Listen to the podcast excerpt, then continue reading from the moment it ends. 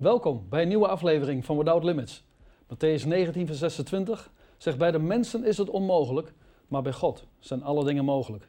We hebben een God, Without Limits. Vandaag bij mij in de studio weer Hans Achteris. Hans, van harte welkom bij Without Limits. Dank je, Henk. Je hebt een geweldige studie voorbereid. Uh, we gaan een Ja. nieuwe serie opnemen van zeven afleveringen over uh, eigenlijk de laatste zeven dagen van het leven van Jezus hier op aarde. Ja. Dus eigenlijk de Lijdensweek. Klopt. Ik geef jou graag het woord. Nou ja, eh, dus eigenlijk eh, maar eerst maar eens beginnen met het woord te lezen wat daar iets over staat. Over die zaterdag, de zevende dag voor Jezus zijn dood. En eh, Henk, als je wil lezen Johannes 11, vers 54 tot en met 57. En daarna eventueel Johannes 12, vers 1 en 2. Ja. Ja, Johannes 11, vers 54, vanaf 54, daar staat... Jezus dan bewoog zich niet meer vrij onder de Joden, maar vertrok vandaar naar de landstreek dicht bij de woestijn naar een stad, Ephraim genaamd. En hij bleef daar met zijn discipelen. Nu was het Pascha, de Joden nabij, en velen van het land gingen op naar Jeruzalem, nog voor het Pascha, om zich te reinigen. Zij zochten dan naar Jezus en spraken onder elkander, terwijl ze in de tempel stonden. Wat dunkt u? Zou hij wel op het feest komen? De overpriesters en de fariseeën nu hadden voorschriften gegeven dat indien iemand wist waar hij zich bevond, hij het zou aangeven, opdat ze hem konden grijpen. En dan Johannes 12, vers 1 en 2. Jezus dan kwam zes dagen voor het Pascha te Betanië, waar Lazarus was, die Jezus uit de doden had opgewekt. Zij richtten daar dan een maaltijd voor hem aan en Martha bediende. En Lazarus was een van hen, die met hen aan tafel waren. Ja, dus Jezus die bewoog zich niet meer vrij onder het volk. Nou, dat is eigenlijk te gek voor woorden, vind ik. Eh, ze waren dus ergens wat bang, of zeker waren ze bang.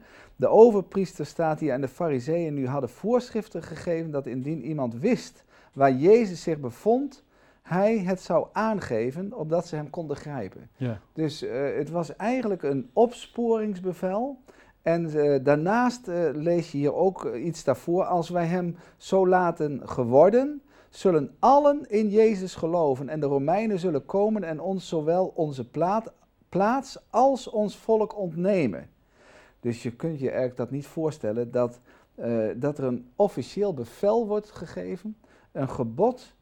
als je hem inderdaad, als die gesignaleerd wordt, Ja, meld het. ja, Dus hij kon zich niet meer vrij bewegen. Er was ergens een soort politie, een geestelijke politie. En wat doet Jezus? Hij, wat ieder mens zou doen, hij verbergt zich. Want hij wist, het was nog niet zijn moment, zijn Ja. uur, het nog niet zijn tijd.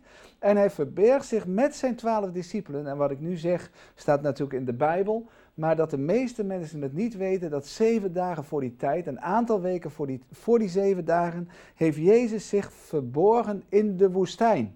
Staat hier, bij Ephraim. En eh, die verzoeking, dat weten we van Jezus, was ook in de woestijn. ja, dat was door de duivel.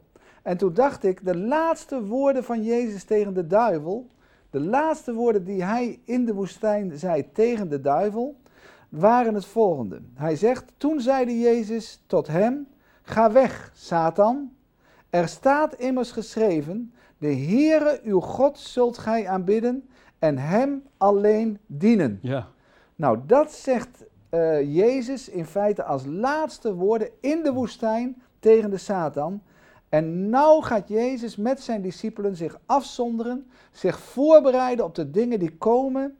Hij, eh, hij is natuurlijk alleen en hij kan zich daardoor niet laten afleiden of misleiden door anderen die op zijn pad komen.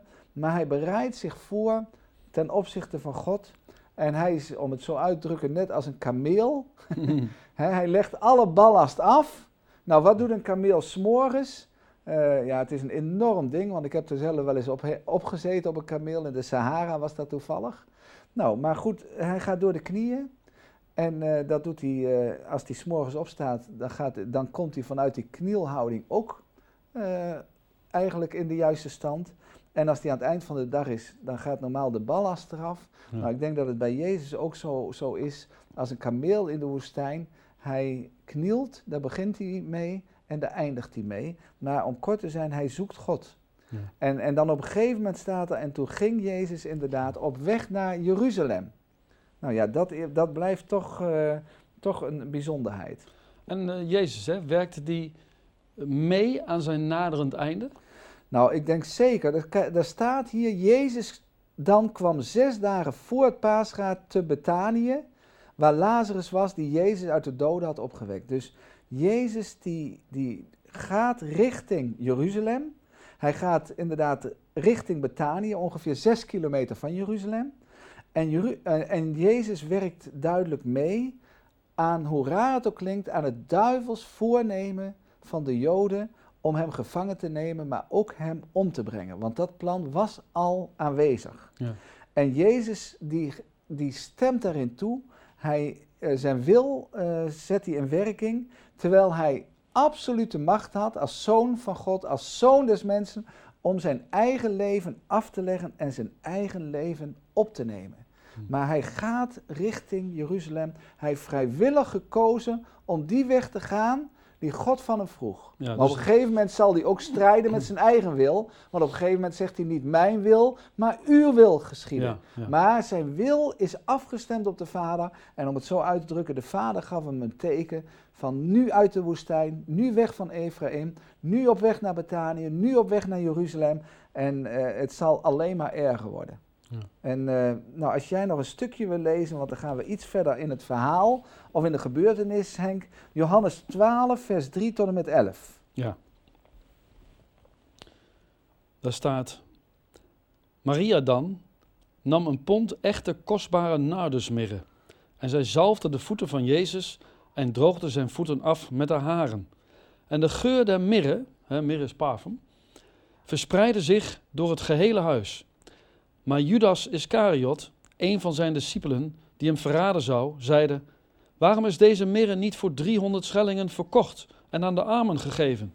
Maar dit zeide hij niet omdat hij zich om de armen bekommerde, maar omdat hij een dief was en als beheerder der kas de inkomsten wegnam. Jezus dan zeide: Laat haar begaan en het bewaren voor de dag mijner begrafenis. Want de armen hebt gij altijd bij u, maar mij hebt gij niet altijd. De grote menigte uit de Joden dan kwam te weten dat hij daar was. En ze kwamen niet alleen om Jezus, maar ook opdat zij Lazarus zouden zien, die hij uit de doden had opgewekt. En de overpriesters beraadslaagden om ook Lazarus te doden, daar velen der Joden ter wille van hem kwamen en in Jezus geloofden. Nou, de allerlaatste vriendelijke daad die, eh, die de mensen aan Jezus hebben betoond, de allerlaatste vriendelijke daad, was toch een feestelijke maaltijd. En daar kwamen dus Jezus met zijn twaalf discipelen, kwamen daar naartoe en kwamen daar dus een maaltijd houden, op uitnodiging natuurlijk. En wie waren daar? Dat was Maria, daar was onder andere Martha, daar was Lazarus en daar was Simon de Melaatse. Nou, er zaten ongeveer, als je het zo bekijkt, 16 mensen aan tafel. Nou, Lazarus die was opgewekt uit de dood, dus die zat daar, denk ik, ontzettend blij en met bloesem op zijn wangen. Dat lijkt mij ook. Dus, eh, nou, die, die, die glom. En dan heb je Martha, die overvloeiend was van eerbied en eh, dienstbaarheid.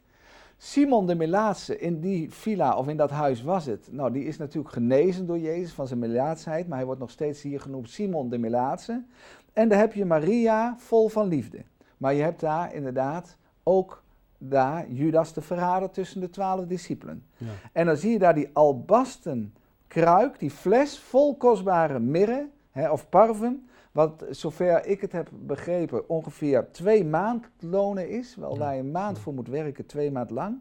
En dan begint deze vrouw die albasten kruik te breken en die begint bij zijn hoofd. Met andere woorden, zij wist door de geest van God, eh, profeterend al, hij is de koning der koningen. Hij kwam tot de zijnen, maar de zijnen, dat is dan eh, de Joden, dat is Israël, hebben hem niet aangenomen. Maar hij, zij begint bij het hoofd, de koning der koningen. En daarna, inderdaad, gaat ze naar zijn voeten toe. Rijkelijk vloeit ze die eh, parfum over zijn voeten, om, misschien als teken om onze eigen kronen, of onze eigen ik, die zo belangrijk kan zijn, om die neer te leggen aan de voeten van Jezus. En Maria's haren, zoals ik zie, stralen. Ze schijnen. Ze zijn de mooiste handdoek, terwijl ze weet, we zijn van nature onwaardig. Hm. En dat tafereel speelt zich zo plotseling af. Nou ja, en dat is natuurlijk schitterend. En zou Maria hè, zijn lijden en sterven ook voorzien hebben? Ja, ik denk, eh, Henk, absoluut. Ik denk het zeker. Ehm, zij weet door de geest, wat ik al zei, eigenlijk door God, wat in haar hart is geplaatst, dat die, zij waste zijn voeten. Ja. En het was gewoon dat men aan het eind van de dag in dat land wat erg stoffig is en heet, de voeten waste als men ergens kwam als gast. Mhm. Maar Jezus had wel in drie jaar wel 10.000 kilometer gelopen. En nu kwam hij binnen zeven dagen aan het eind van zijn pelgrimstocht. En zij wasde zijn voeten niet gewoon, maar het was een wasbeurt voor de zoon des mensen met olie. En ze eert hem, ze tooide hem. En ik denk dat zij misschien wel via Nicodemus, want we weten dat hij sympathiek stond tegenover Jezus en noem maar op en ingewijd was, dat zij misschien dat ook al duidelijk wist van Nicodemus. Hij wordt gezocht, dat was duidelijk in heel Israël, maar ze zullen hem ook gaan ombrengen. Ja. En, eh, ja, want ze huilde ook, staat in een andere vertaling, hè? ja, Of in Ja. een ander hoofdstuk. ja, ja, Ja. Dat, ze, dat ze tranen liet. Dus zij wist van de vijandschap, maar ze wist bovenal van de goddelijkheid van Jezus Ja. Christus. En die fles, hè? eh, heeft dat nog een geestelijke betekenis? Nou, ik denk eh, zeker Henk, want eh, die fles heeft een nauwe hals. Nou, we weten bij Jezus op het eind van zijn leven, hij boog zijn hoofd. Hè, denk letterlijk aan de hals. Ja. En hij is, om het zo uit te drukken, gebroken. Zijn leven is zomaar door de mensen afgebroken. En er kwam door Jezus, maar dat begrepen we later pas, een welriekende olie. Die geur, die verspreidde zich in dat hele huis. Toen, toen eh, Maria dat deed, zou je zeggen, kwam iedereen onder de indruk Ja. van, zo wat heerlijk. Maar we zullen zo meteen zien dat het anders is en anders was. Terwijl je zou zeggen, oh wat ruikt dat heerlijk en wat doe je een goede daad aan Jezus. Maar in feite is het ook geestelijk, is die fles, die is gebroken, die is afgebroken, die is om het zo uit te drukken gestorven. En uit die fles kwam een geur van liefde, een geur ten leven.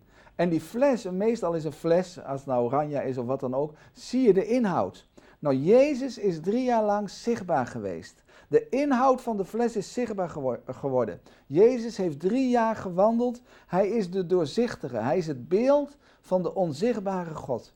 En toen kwam, nadat hij gestorven is, zijn volle inhoud, zijn goddelijkheid naar buiten toe. En net wat jij zei, dat, dat vernietigt zich. Als parfum inderdaad op je gezicht komt, dan, dan vervliegt het. Maar het deelt zich ook mee. Die geur deelt zich ook mee. En zo is Jezus. Als Jezus hier is, dan deelt hij zich mee door een geur van leven, van liefde. En Jezus is Gods nardusfles. Jezus is Gods nardusfles. Dus die fles heeft alle betekenis in het leven. Dat je zegt van inderdaad, Jezus, u hebt laten zien wie u was. U was de doorzichtige fles. U hebt uw hals gebroken. U hebt uw leven afgelegd. U hebt uw leven meegedeeld en noem maar op. Ja. In Matthäus 26 staat ook dat Jezus daar heel veel waarde aan hechtte, hè, aan wat zij deed. Want hij zegt daar ook van uh, dat iedereen tot haar ge- ge- nagedachtenis zal spreken. Absoluut. Ja, daar krijgen Ja. we zo meteen, wil ik daar nog wat meer over zeggen. Want dat is een, een, een monumentgedachte. ja. Hè? Ja. Maar, maar daarnaast eh, ja, weten we ook dat, eh, dat er iemand zat ja, waar het niet goed zat. ja, want Judas, hè, die kwam voorbij eigenlijk al, als een sluwe, slimme duivel.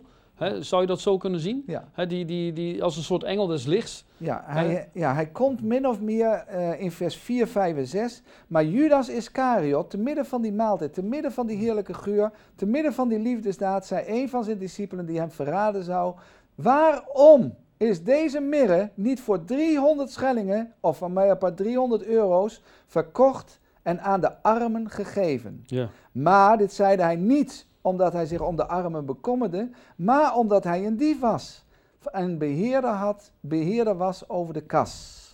Nou, hij zei dat schijnbaar bekommerd. Ja. Schijnbaar bekommerd. Schijnbaar omdat hij denk, liet zien, of door wat hij zei, van God, denk eens aan de armen, moet je kijken wat je doet. Dus eh, hij zaait ook ontevredenheid. Hij is een, een, een werktuig van de duivel. Want het zaad van ontevredenheid, dat is altijd duivels. Ja. denk maar aan Genesis. Heeft God niet gezegd, God weet veel meer, je ogen zullen geopend worden als je van die verboden vrucht neemt. En hij toont, terwijl Judas dit zegt, een onveranderlijk gelaat. Hij heeft een demonische zelfbeheersing over zich en een schijnbare onschuld. Maar deze man, die vermoed, of vrijwel zeker wijnhandelaar was, dacht alleen maar in zijn eigen belang. Hij was een dief. En hij toonde hiermee door dat te zeggen onheilige liefde. Hij wou dat alleen maar vanuit zijn hart, terwijl niemand het doorhad, dingen tot zich nemen, terwijl Maria geeft. Ja. Maar de duivel die neemt. En hij is onverschillig en hij is koud en hij is een schijnheilige. Jezus heeft vlak voor die tijd gezegd, je bent één van u is de duivel. Ja. Maar hij heeft zich een geweldig masker aangemeten. Hij heeft een enorm vernis over zich. En met een blik van verontwaardiging kijkt hij om zich heen, te midden van de maaltijd naar de anderen. En hij zegt: verkwisting. Het is pure verkwisting. En eh, nutteloze onkosten. En dat staat er in een andere vertaling, in Marcus 14, vers 5. En de discipelen waren ermee eens, stemden daarmee in. Hm. Die stemden daarmee in. Dus ze waren het allemaal met Judas eens. Verkwisting. Wat een onzin. Waar is dit voor nodig? En noem maar op en noem maar op. Dus ze ergerden zich allemaal aan en over Maria. Dat is natuurlijk onvoorstelbaar. Eh, je zegt, hè, ze, ze ergerden zich allemaal aan eh, Maria, hè, omdat zij dat deed. Eh, Judas maakt eigenlijk deze opmerking. Haatte hij Jezus? Nou, eh, ik denk zeker. Dat, dat, eh, dat klinkt duidelijk en krachtig, maar ik meen het met heel mijn hart. Judas die had absoluut gedacht dat de Romeinen zouden verdreven worden. Dat de aardse betrekking of een ambt zou hij gaan bekleden in het, ja, in, in eigenlijk onder Jezus zijn heerschappij als Messias. Hij was dus inderdaad, in zijn hart had hij eerzucht, had hij machtgedachten in zich. Hmm. En, eh, En hij was Al- gek op geld. en hij was geldzuchtig. Dat Want er was staat ook van de zeker. kas. Hij was geldzuchtig. Maar daarnaast heeft hij natuurlijk door de jaren heen, is die haat zich gaan, of heeft zich op een gegeven moment tentoongespreid, dat is beter gezegd. Want op een gegeven moment is hij gaan twijfelen. Hij kreeg vragen. Hij dacht, hé, hey, Johannes de Doper was absoluut uit God, was een voorloper van deze Messias, maar die werd onthoofd. Eh, als Jezus gekroond wil worden, denk maar aan eh, de wonderbare spijzering, willen ze hem kronen als koning, dan ontwijkt hij. Hij heeft altijd oog voor enkelingen en het gaat om de massa. En het gaat om het volk en het gaat om Israël. En dan gaat hij weer bezig met die individuen. En inderdaad, hij, er is vijandschap van de Joden tegen Jezus, wat hem ook al bevreemdt en wat hij ook al vreemd vindt. Daarnaast vindt hij natuurlijk geweldig dat de wondermacht wordt gebruikt door Jezus, want Ja. dat ziet hij. Ja. Maar het gebeurt alleen maar bij individuen met name. Maar niet dat je zegt, nou, dat is landelijk. Want daar zou hij dan de macht toe hebben. Hij komt echt over Jezus als een leraar, als een profeet. En hij denkt, bah, van wat een figuur zegt. Hoor, hoor hem eens. Heeft hij het weer over die geestelijke dingen? Heeft hij het weer steeds over God? Hij is toch de Messias? Dus dat speelt er diep in het hart van Judas aan. Hij vindt het allemaal maar te geestelijk. Hij eh, hoort op een gegeven moment, naarmate de tijd vordert, dat Jezus zegt dat hij zou lijden, dat hij inderdaad zou sterven. En hij, hij krijgt al meer raadsels en vraagtekens. En die gelijkenissen, nou innerlijk schudt hij elke keer. En hij is totaal niet met zijn gedachten bij die gelijkenissen en wat Jezus allemaal zegt. En op een gegeven moment vindt hij het meer een weldoener. En alles is op God gericht. Dus op een gegeven moment bij Judas ontstaat er een vervreemding. Er ontstaat eigenlijk een onrust wanneer hij te dicht bij Jezus komt. Hij, hij heeft een hekel aan het onderricht. Hij is teleurgesteld op een gegeven moment naarmate de tijd vordert. En zijn liefde is niet meer zuiver. Hij wordt bitter en er ontwikkelt in zijn hart zelfs wraakzucht. Hij krijgt haat ten opzichte van Jezus. Hij krijgt een afkeer en hij voelt zich inderdaad gekrenkt. Hij is zwaar teleurgesteld. Want hij merkt, dit gaat niet goed, dit gaat absoluut verkeerd, et cetera. En hij keert ook na die maaltijd, staat in Matthäus 26, Jezus de rug toe. Hij had hem absoluut inwendig, stond hij al los van Jezus. Hm. Jezus heeft hem doorzien. Want Jezus wist dat hij een dief was, staat er in Ja, ja. Johannes 12. Maar ook uitwendig blijkt het, Hij keert de rug naar Jezus toe, inderdaad uit, om geldzucht. Hij denkt, daar heb ik nog gewin. Als ik naar de overpriesters ga en ik ga precies het moment zeggen, dit is het moment. Jezus doorzag de zwarte ziel van Judas, heb ik hier opgeschreven, tot op de bodem. En op kalme wijze, dat is natuurlijk goddelijk, op kalme wijze bestraft Jezus Judas en beloont Maria met een hemelse liefde. Er staat hier in vers 7 en 8, Jezus dan zeide, laat Maria begaan en het bewaren voor de dag van mijn begrafenis, want de armen hebt u altijd bij u, maar mij hebt u niet altijd. Ja, dus dat, uh, dat zei Jezus ten opzichte van Judas en pleiten in het voordeel van Maria. Ja, nou hier zegt hij, hè, van uh, voor de dag mijn begrafenis. Hè, hiervoor zegt hij eigenlijk opnieuw, hè, zijn naderend einde, zeg maar. Maar het lijkt wel of al die discipelen doof ja, waren. Ja, die discipelen die hebben daar geen begrip van. Ze begrijpen het niet en ze zijn dus doof. En dat komt misschien als je ergens op georiënteerd bent. Nou, dan, wil, dan, dan zie je de andere dingen niet meer. Je hoort de andere dingen Of dan hoor je wat je wil horen. Ja, je bent gewoon gefocust, eenzijdig gefocust, maar ze zijn ook tweezijdig verlamd. en voor, voor Judas is dit weer de zoveelste mokerslag. Als Jezus dan zegt, van dit doet zij voor mijn begrafenis, dan denk je, ja, zie je wel? Ja. Nou, nou is het voor mij wel overduidelijk. Ik wacht ook geen seconde meer. Had er geen vertrouwen meer in. Nee, hij, hij, en daarom zeg ik al, die haat was er absoluut. Jezus zei, ik ben niet lang onder u. Zei hij, daar, bij die maaltijd. En uh, zijn die, die, discipelen die Jezus verwijten, ja, die vinden dat na wat Maria deed een weerzinwekkende vertoning. Want, uh, maar, maar Jezus zegt, wat jij al net noemde, uh, wat Maria doet, wordt een monumentgedachte. Er wordt een, een, elke liefde tot Jezus vanuit het hart, waar een volle liefdesdaad mee gepaard gaat, is dat pleit in haar voordeel. Jezus begreep ten volle haar liefdesdaad. Daar staat, en dat wil ik eens voorlezen, in Marcus 14, vers 8 het volgende. Marcus 14, vers 8 staat, zij heeft gedaan wat ze kon. Van tevoren heeft zij mijn lichaam gezalfd voor de begrafenis wat ik zo geweldig vind. Zij heeft gedaan wat ze kon. En dan vraag ik en dan kijk ik in de camera en dan kijk ik naar de kijkers om het zo uit te drukken. En ik hoop dat de Heer tot u spreekt. Kunt u ook zeggen wat Jezus tegen haar, haar heeft gezegd? Zij heeft gedaan wat ze kon. Doet u ook wat u kon voor Jezus. Uit liefde. Uit liefde. De Heer vraagt het u.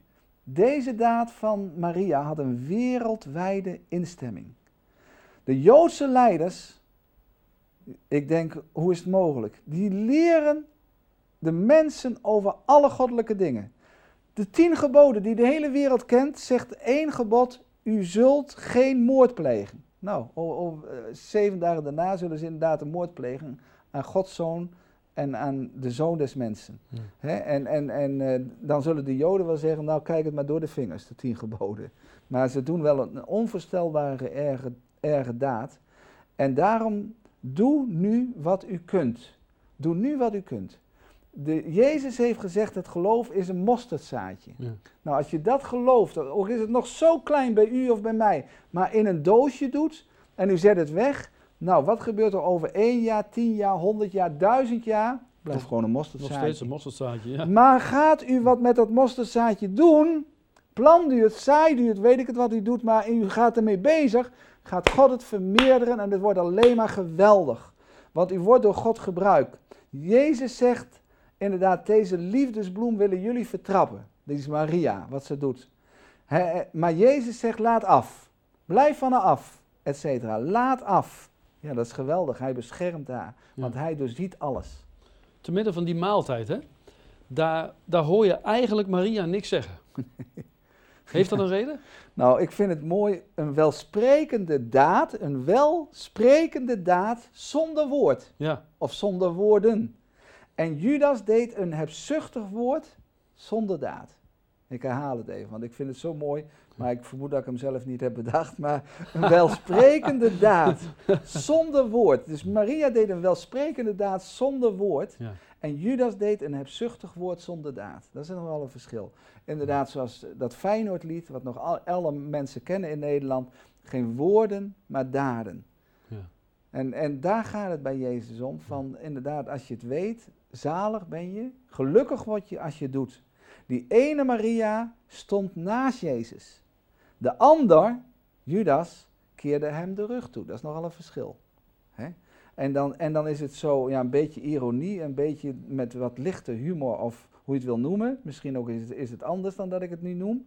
Maar Jezus zegt tegen Judas, vlak voordat hij verdwijnt, nu kun je de armen nog wel doen, als je wilt. Als je wilt kun je nu nog de armen wel doen. maar hij wist inderdaad, hij doet een kwaad. maar Jezus voegde dat nog aan hem toe. Inderdaad, er is een afscheidsmaaltijd en Jezus was de arme. Hij, hij leende, om het zo uit te drukken. Dat zien we straks ook. Hij, hij leende hierbij een, een huis om te eten. Hij leent, hij leent straks een, een, een ezel. Hij leent een stal waarin hij geboren wordt. Ja. Nou ja, ik vind dat altijd zo mooi van Jezus. Misschien moet ik er ook wel van leren, want hoe meer bezit je hebt, hoe meer zorg. En als je een huis hebt, moet je weer schilderen. En als je een ezel hebt, moet je hem te eten geven. Dus nou, ik vind het nog wel, wel mooi als je eens een keer wat leent. Daar heb je er niet weer extra werk van. Maar in ieder geval, uh, Maria komt bij mij over als een zachtmoedige, stille geest. Een sieraad. Zij had oprechte, grote, stille, hartelijke liefde voor Jezus. En ze liet dat blijken. Ze werd afgekeurd door de omgeving. Maar Jezus ziet het hart aan. Jezus ziet ook uw hart aan. De, de Leidensweek is begonnen. De, het Pascha is aanstaande. Nog zeven dagen en ze zullen Jezus ombrengen. Nu leven wij op dit moment 2000 jaar na Christus. Na Christus. Toen is de wereld gescharnierd. Toen heeft de wereld een totale verandering ondergaan. Door inderdaad terecht te zeggen, we, lezen nu, we leven nu 2013 jaar na Christus. Ja. Henk, dat was Amen. het. Amen.